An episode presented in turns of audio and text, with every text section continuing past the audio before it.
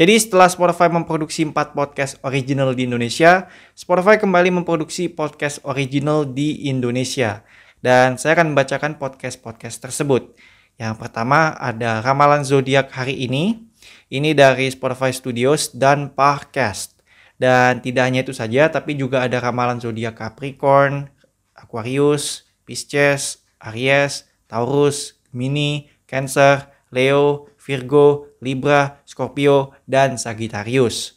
Kemudian ada Daily Quote Indonesia, ini dari Spotify Studios dan Parcast, diproduksi oleh Box to Box Media Network. Dan yang terbaru ada Kuas, Kanvas, dan Bulan Kesepian.